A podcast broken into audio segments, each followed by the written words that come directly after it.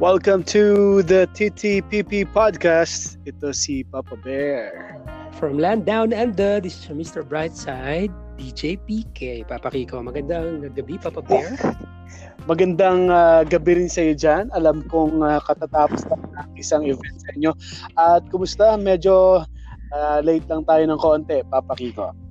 Oo nga, okay naman. Uh, dito sa Australia, eh, focus pa rin sa flattening the curve ang government. Uh, hearing some good signs. Ang mga taga-Australia, bumababa ang cases, dumadami ang recoveries. Hindi naman ganun kabilis yung pagdami ng mga namamatay, 60 or less than 70 people. Uh, hopefully, tuloy-tuloy at uh, high hopes ang lahat dito. Uh, uh, lahat ay uh, may tiwala kitiwala na magiging maayos lahat as soon as possible na kaya uh, uh, we all we, we're all in this together sabi nga ng mga Aussies Oh, buti naman pero dito tumataas papakiko, tumataas ang mm-hmm. mga ang Kilay? mga pati kilay, inaahit na nga yung iba sa sobrang taas eh. tumataas ang kaso ng COVID pa rin dito and at the same time, uh, mas mataas ang namamatay compare sa nakaka-recover. Yan ang medyo bad news dito sa Pilipinas.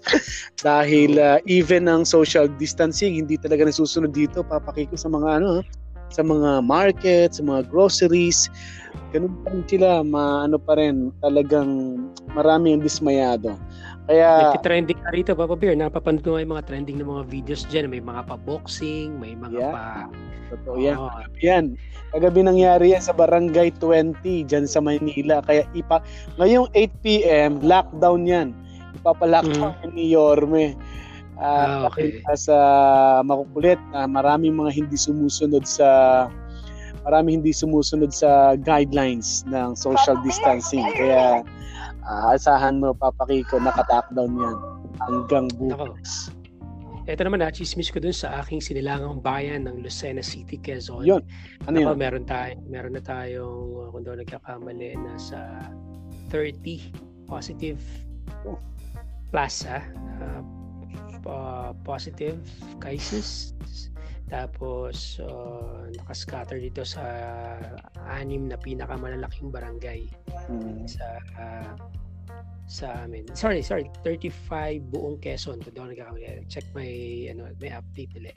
Grabe, nasa nasa probinsya na talagang sa ang virus at saka mm. sobrang kakaiba talaga daw tong virus na to kasi yung yung Spanish flu, 'di ba? Meron nang nangyaring Spanish flu, even yung mga itong recently lang na nangyari. Itong mm. virus ito sobrang titindig, sobrang tindi kasi kapag na-infect ka, hindi siya agad namamatay eh. Nakakalipat agad. May mga virus pala na parang dumadaan lang siya sa isang lugar. Mm. lang siya. Pero hindi siya magtatagal. Pero ito, iba. Talagang nagtatagal. Mm. Palipat-lipat. Parang nag, yung transmission niya, nakakapag-multiply mm. pa siya. Mm. Okay, Papa Bear, uh, correct ko lang yung sarili ko. Labing apat sa Lucena City. Okay, 14 ang mga infected.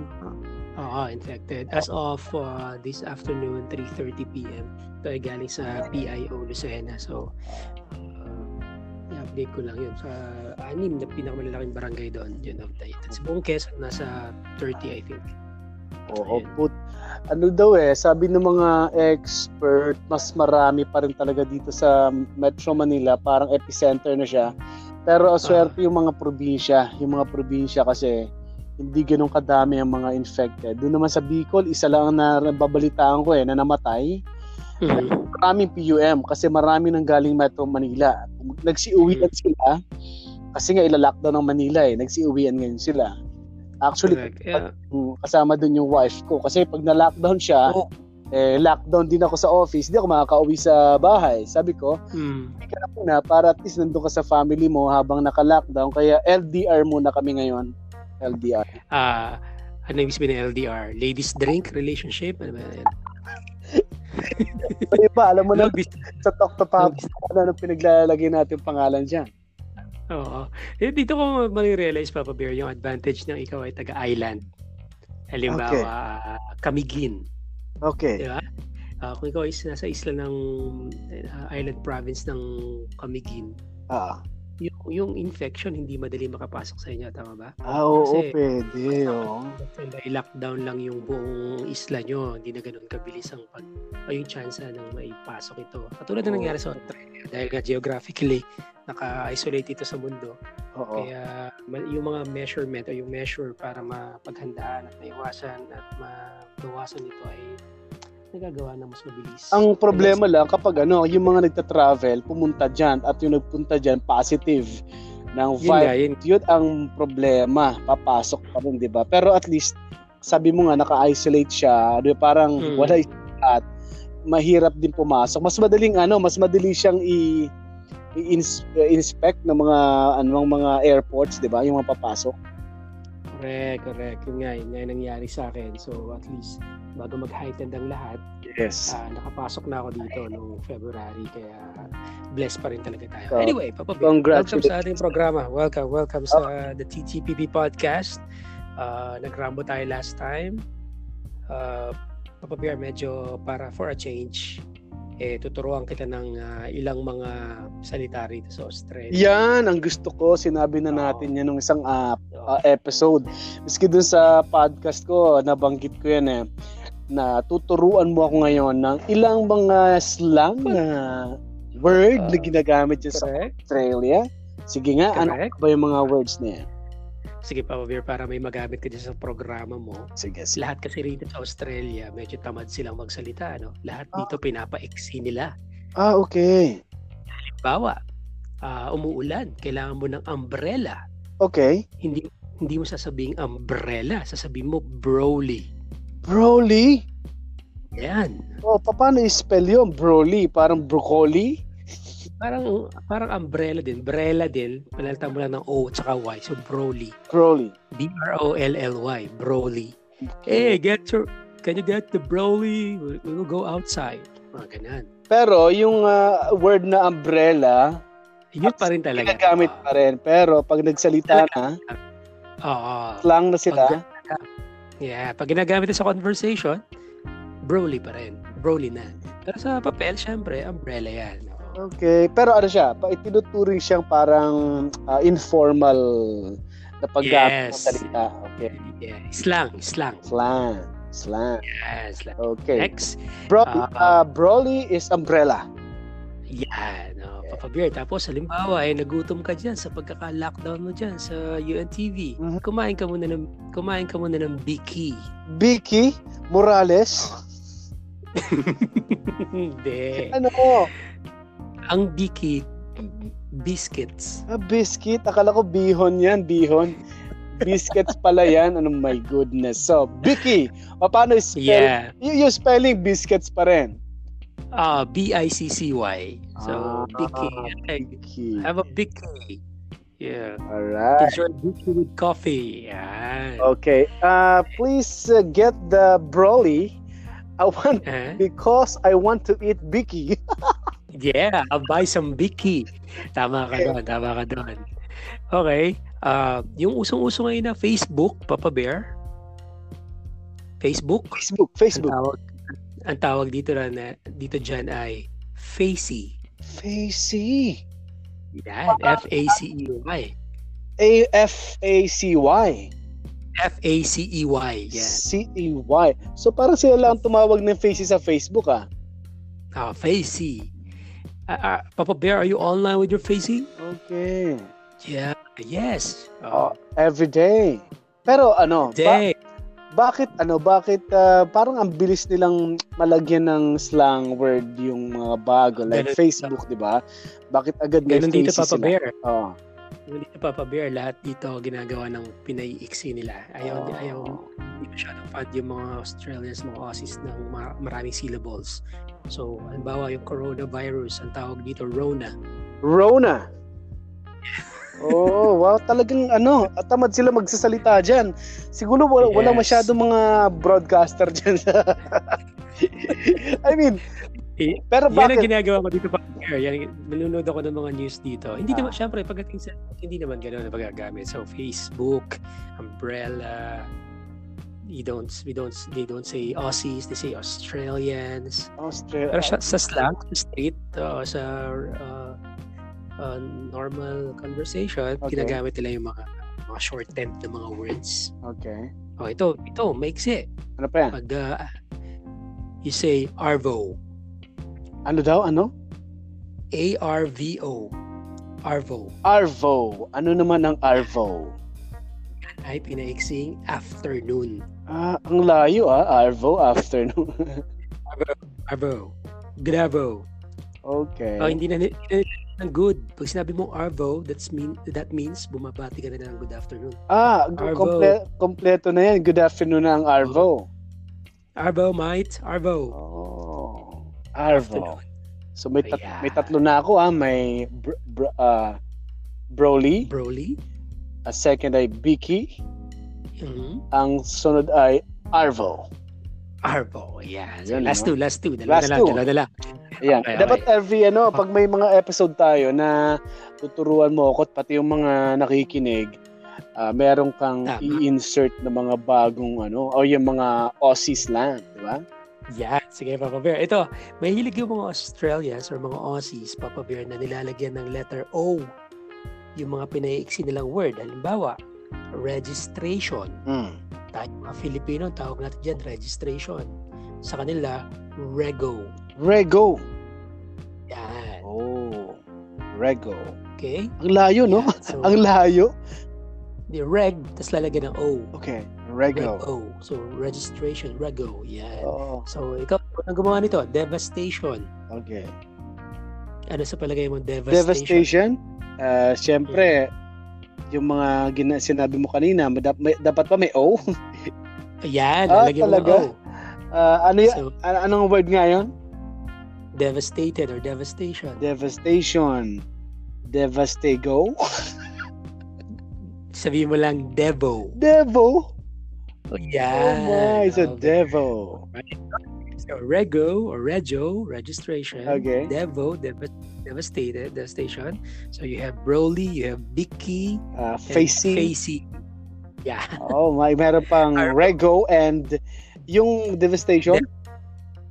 Devo. Devo. Yan. May isa Yung pa. first three letters, nilagyan mo na O. Yan. Ayun. Okay. So, next. Sige, one more. One, One last. more, one more. okay? Mhm. Ito. Tawag Bear, para madali. Laptop. Laptop. Lapi. Tawag Lapi. Very good. kita mo naman. Yeah. Lapi, Lapi. talaga ang tawag nila. Parang Ah, yung Facebook ay- Facey. Are you using your Lapi to to have some facey? Parang naano ko na, parang nabasa ko ng Lapi sa... May kanta nga yan eh, may kanta. Mm. Pag may Ano yun? lapis, maaabot ang pangarap. Sabi ko na nga ba eh, ah? yung nagkademandahan yan, dinamanda ang GMA Oh. ni, Ah, ni ni Noel Lo- Cabangon. Noel Cabangon dahil ginamit yung song Ah, ata, ah. yung pag may lapis. anyway, Ah, sa isang campaign nila, sa isang campaign nila. oo. Yun, Ayun. at So, meron na uh, tayong... Actually, nilalagyan, nilalagyan ng letter O, yung mga slang nila sa dulo, Oo. mahilig sila doon. Pero may question ako, Then- ah hindi yan ginagamit sa mga ah, formal letters at saka conversation or talks. 'Di ba may mga may mga talks sa mga like ano, may mga may press ko ng isang politiko diyan or mataas ang ang kalagayan. Nag- Nagagamit ba nila yan mga mga slang na Hindi naman. Aussie? Hindi sa mga formal na mga talk, hindi nila ginagamit sa mga formal talk. Like Pa- you, like government offices na nag uh, communicate sa mass, hindi. Oo. Pero, pero accepted dyan sa chat, siguro, ah, conversation Yeah. sa opisina, mga ganun. Oo, actually, yun ngang, yun ngang isang restaurant dito, hindi na ginagamit yung totoo niyang pangalan. Ang mas nakilala na siya doon sa slang. Oh. So, tinutukoy, tinutukoy ko yung McDonald's. Oh, ang tawag sa McDonald's, Jollibee. Macas. Macas. Yeah, Oh. Macas. Macas. Iba, no? So, parang may parang may e-sound yung me. Mm, okay, Macas. Macas. Ang So, Australia, ang, ngayon, Austra- ang Australia, di ba ang Australia kasi papakiko, parang may mga ano pa sila, no? May, meron pa si- ang lahi nila parang galing sa mga eh, ah, may mga kasi nagre-ritual-ritual pa ata ang ibang mga lugar diyan, parang probinsya sa Pilipinas. ah, aborigines. Oo, oh, mga ga- aborigine. So, dalawa kasi yung pinanggalingan ng lahi dito. abo, aboriginal or aborigines at saka European. European. So, dalawa raw yung dalawa raw yung mga first settlers dito noong una. Pero nauna yung pa, may mga ano daw, may mga parts ng Australia na maraming Asian. Meron, meron. Oo, meron. Oo, yung mga aborigines, ano silang mga Asian descent or mga, mga Asian na lahi. Ah, sila yung parang mga ita sa atin. Oh, okay. Ah, Pero ano pa, may mga ano sila kasi sa Pilipinas eh, may mga may batas na nag-iingat din sa mga ano, mga indigenous people. Meron ba din diyan? Meron pa. Parang irespeto mo tong lahing ito dahil diyan ang galing ang mga Australian. Yes, may, meron sila mga magagandang programa para sa Oh. mga ganong tao Ah, pinapabayaan din sila dyan. May karapatan din sila. Meron din sila, kung di ako nagkakamali, I'm not really sure about this, pero I heard, meron silang ah, support from the government financially. Oh, wow. So, pero may mga ano na rin sila, may mga nakapasok na rin sa ah, naging professional na rin, nagtatrabaho sa sa mga city, yes, ganon. yes. Nice. Title din sila sa lahat ng mga lahat ng mga privileges na meron ng isang regular Aussie. Yun. Congratulations. Ang dami mong ang dami mo ng ano ha. Ang dami mo ng mga na-share sa amin. At saka Ayan ang nangyayari kapag, kapag nasa bahay ka lang. Ah, Ah, libro lang ng history ng Australia at laptop ang meron ka. ah, Yan ang nangyayari sa'yo. Basa lang ng basa. Hindi, hindi, ako kasi personally, gusto ko ma-achieve din yung ano, yung maintindihan sila uh, compre- uh, I can comprehend easily, alam mo yun, ganun, the way they talk, the way they sound, the accent. Siyempre, kailangan mo rin mag-adapt. Oo. Kung gusto mo magtrabaho soon, di ba? Makakatulong sa akin. Mahirap din ba dyan sa ano? Kasi sa Brazil daw, pag pumunta ka doon, hindi sila mag english Bahala kang mag umintindi sa Brazilian, sa Spanish. Pero Mhm. dyan, ah siyempre, tayo kasi, ano sa English eh, okay tayo sa English, madaling maintindihan yun. Yeah. Pero, kapag ba nakita nilang Asian, may ano ba sila, may, may, may mga racist din ba? Parang, minamaliit masyado mga Asian, lalo Pilipino, gano'n. No, pagdating sa mga, hindi, hindi ko naman ako, hindi ko naman naramdaman yun, syempre. Especially sa pag-converse, sa conversation. Feeling ko malaki nga yung kanilang pagtingin. I mean, equal ang kanilang pagtingin when it comes to conversing. Kasi nagsasalita sila the way they talk. Hindi naman sila nag adjust sa atin. So lahat ng makakalala ko nito mga Aussies, ganun pa rin sila magsalita kung paano sila magsalita. Oo. So, especially tayo mga Pilipino, panglima tayo sa pinakamagagaling mag-English sa buong mundo. Wow. So, America, India, UK, tapos another one, and then tayo na. Wow. So, panglima tayo sa buong mundo sa moment na to. Ah. So, kahit saan talaga tayo dalhin, basta English, walang problema. That's siguro one of the main reasons bakit tayo employable, bakit tayo nasa buong mundo, Oo. bakit lahat ng Pinoy. Yung, Ah, dahil magaling tayo mag yung ano, yung image naman ng ano mga Filipino diyan, kumusta? Yung parang ah, kasi may bansa na pag nalamang Filipino, ah, mga ano yan, domestic helpers yan, mga yan. Diyan sa Australia, kumusta diyan? Siguro meron din ganon, pero hindi nature ng mga Australian kasi yung yung downright bashing, yung talagang ida-down Oo. ka. Siguro hindi nila talaga nature, pero siguro at the back of their heads, meron sila na yung mga Pilipino, sila usually yung kasi totoo naman talaga na tayo yung naman ng mga likod ng mga restaurant dito, tayo naghuhugas ng pinggan. Ang dami natin mga nurses dito, tayo hugas ng puwet, tayo tayo linis ng bahay. Oo. Eh, normal naman talaga sa atin yun eh. So, meron siguro sa likod ng isip nila, pero hindi nila nature yung mga, mga, mga may racist or kahit sa action nila, no. no. Ah, dahil nga sobrang diverse na rito sa Australia, normal na rin talaga ang ibang lahi dito. Ang nagmamayari nga ng pinakamalalaking building dito at pinakamalalaking lupain, guess who? Hmm. Chinese. Chinese, man. Yaman. Ah, tapos ito Papa Bear, ah, makakita ka ng mga magagandang Oo. sasakyan. Makakakita ka ng mga sports car, mga BMW, pinakamagagandang mga sasakyan Wow. dito. Asian ang may-ari. Asian ang may-ari. Wow. Alam mo Bakit? Bakit? Kasi mas mas mas masipag tayo sa kanila. Oo. Sobrang sipag ng mga Asian dito. Ah, sila kasi, pag nakapag-work sila ng 4 hours, binabalance nila yung buhay nila. punta na sila sa family nila. So, ibig mo sabihin, sa sa office, 4 hours lang sila pumapasok. Wala silang, tulad dito sa atin, 8 to 10 hours nga. Nasa Meron, office eh. Ah, meron mga 8 hours din talaga rito. Kaya lang kasi uso kasi rito yung ano eh. Open kasi rito yung part-time, full-time. Okay. May ganun kasi may option kasi rito na kung ayaw mo ng full-time, 4 hours ka Ah, lang. okay. Ayun. Okay din. Eh, tayo mga Asian, galit sa pera. Siyempre, galit tayo dyan. Siyempre, yung 8 hours, gusto pa nating dagdagan ng mga 4 hours. Eh, wala naman tayong gagawin. Hindi naman tayo taga rito. Yun So- nga ano eh, yun ang iba sa mga Pilipino pag nasa ibang bansa, ang sisipag, ang daming trabaho, Oo. pag nandito sa Oh, sariling yeah. bayan, ang daming tamad, gano'n. Pero iba dyan eh, no? Iba pag nasa ibang bansa. Okay, Papa Kiko, may iba. after after nitong ah, part na yan, habang nagsishare ah, sa, ah, sa mga words, what you call that, slang words, na nalaman natin, eh, ihahabol natin to maya-mayang konti ang Rambo. Okay, sige, Oo. sige. May Alright. mga magpaparambo Okay, din dito. ako dyan. Go. At ready na rin ako. Sige, sige. At saka abangan nila next episode naman. Meron tayo sa next episode eh. Pag-uusapan natin Hmm. yung marami nag-comment sa akin eh. Na Mhm. tanda mo ba yung pag-uusapan natin? Actually, ito yung kapag COVID, kapag may COVID-19, may la- may Ah. lockdown, di ba?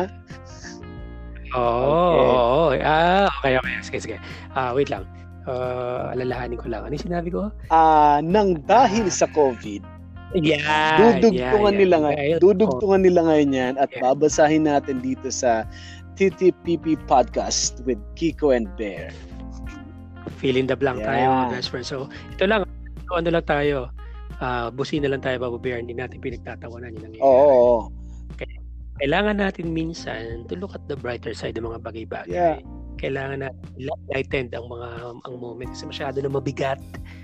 Di ba? Oo, at, So, kaya gumawa tayo ng ganito mga podcast. at saka reality to eh. Itong mga sagot nga na nabasa ko, ah, hindi naman to sa pag, ah, di ba marami kasi, ma- maraming, Mhm. may mga naririnig ako dahil sa COVID, wala silang makain, dahil sa COVID, wala silang ah, oras sa, wala nang nawalan ng trabaho. Pero dito, karaniwang nabasa ko, ano sila eh, ah, medyo positive yung iba. Tsaka yung papabirang sign ng isang Pilipino, nakakita tayo ng saya sa gitna ng ah, Oo, problema. totoo yan. Diyan tayo, kakaiba mga Pinoy sa ganyan. Sa, di ba, minsan, Baka may baha. oo, oo. Minsan nga, bahang-baha na, di ba? Kakaway pa sa camera yung nasa Hmm. baha. Kaya dito titingnan natin yung ah, other side naman ng dahil sa COVID. Yeah. Sige, Okay, dyan. pero rambuhin muna natin, papakiko ang mga nagpaparambo ngayon. Pakinggan muna nga natin tong sound effects natin.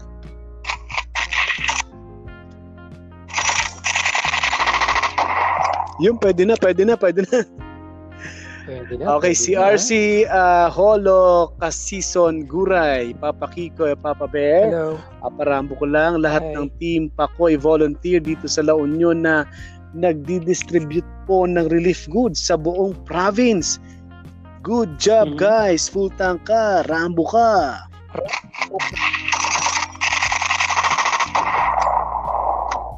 Sabi naman ni Jairo Calyado, Papa Rambo ko lang ang ah, Papa Kiko and Papa Bear, yung kapatid kong si William Colyado kasi ang lakas kumain ng ice cream. Pati na rin yung mga kapitbahay namin na laging nasa labas ng bahay, nagkukumpulan, may ECQ, Mhm. aba, full tank ka, Rambo ka. Ah, oh. Oh, Sige, sige, sige, sige, go, go, go. Rainy Summer, tama? Rainy summer, Rainy right, summer. sige, go, go. Paparambo ko lang yung aso naming si Zamba, di pa umuwi mula kaninang umaga.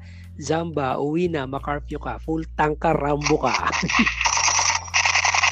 Pati aso, dapat umuwi na yan. Hindi pa ka nabagan siya naman. Baka nga nahuli ng pag Tama, tama. Okay, next, Papa Kiko. Si uh, Login. Paparambo ko lang yung mga pap, mga papa yung DSWD hanggang ngayon wala pa rin. Hindi pa rin ramdam sa Caloocan. Matatapos ng quarantine, wala pa. Hoy, nasa na kayo? Sabi ni Login, DSWD.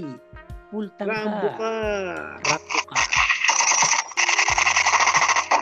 Si Catherine Escover Agapito. Ipaparambo ko lang po yung mga aso ng kapitbahay na umaalulong tuwing dadaan ng tren. Full tank kayo. Ayan. Rambo ka, istorbo kaya. Rambo ka. Istorbo yan minsan eh. minsan nananahimik ka sa bahay tapos nag-aalulungan yung mga aso.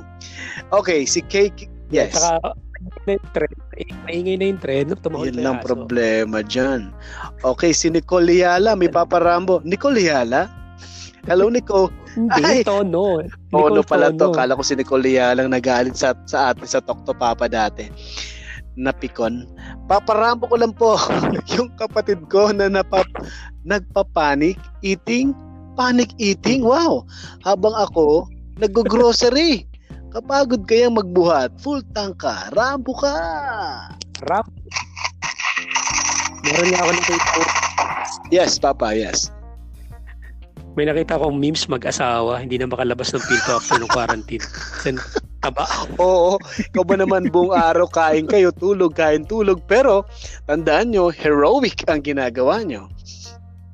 Yes. Yes, akala mo lang. Oo. Akala mo nagpapataba tayo pero yung hindi paglabas, parang nakakatawa no? Parang parang Mm. pag, may, may may plug ako napanood na ganyan sa isang news channel sa ibang bansa eh. Heroic. Naka yung lalaki nakahiga sa sofa, lipat ng lipat ng channel, nanonood ng TV, tapos biglang may lumabas, Mm. heroic daw ang ginagawa nitong lalaki. Pero totoo naman, 'di ba? Totoo. Pero finally, ang pagiging tambay sa bahay ay isang Yan, sana ay sana ay matanggap natin lahat.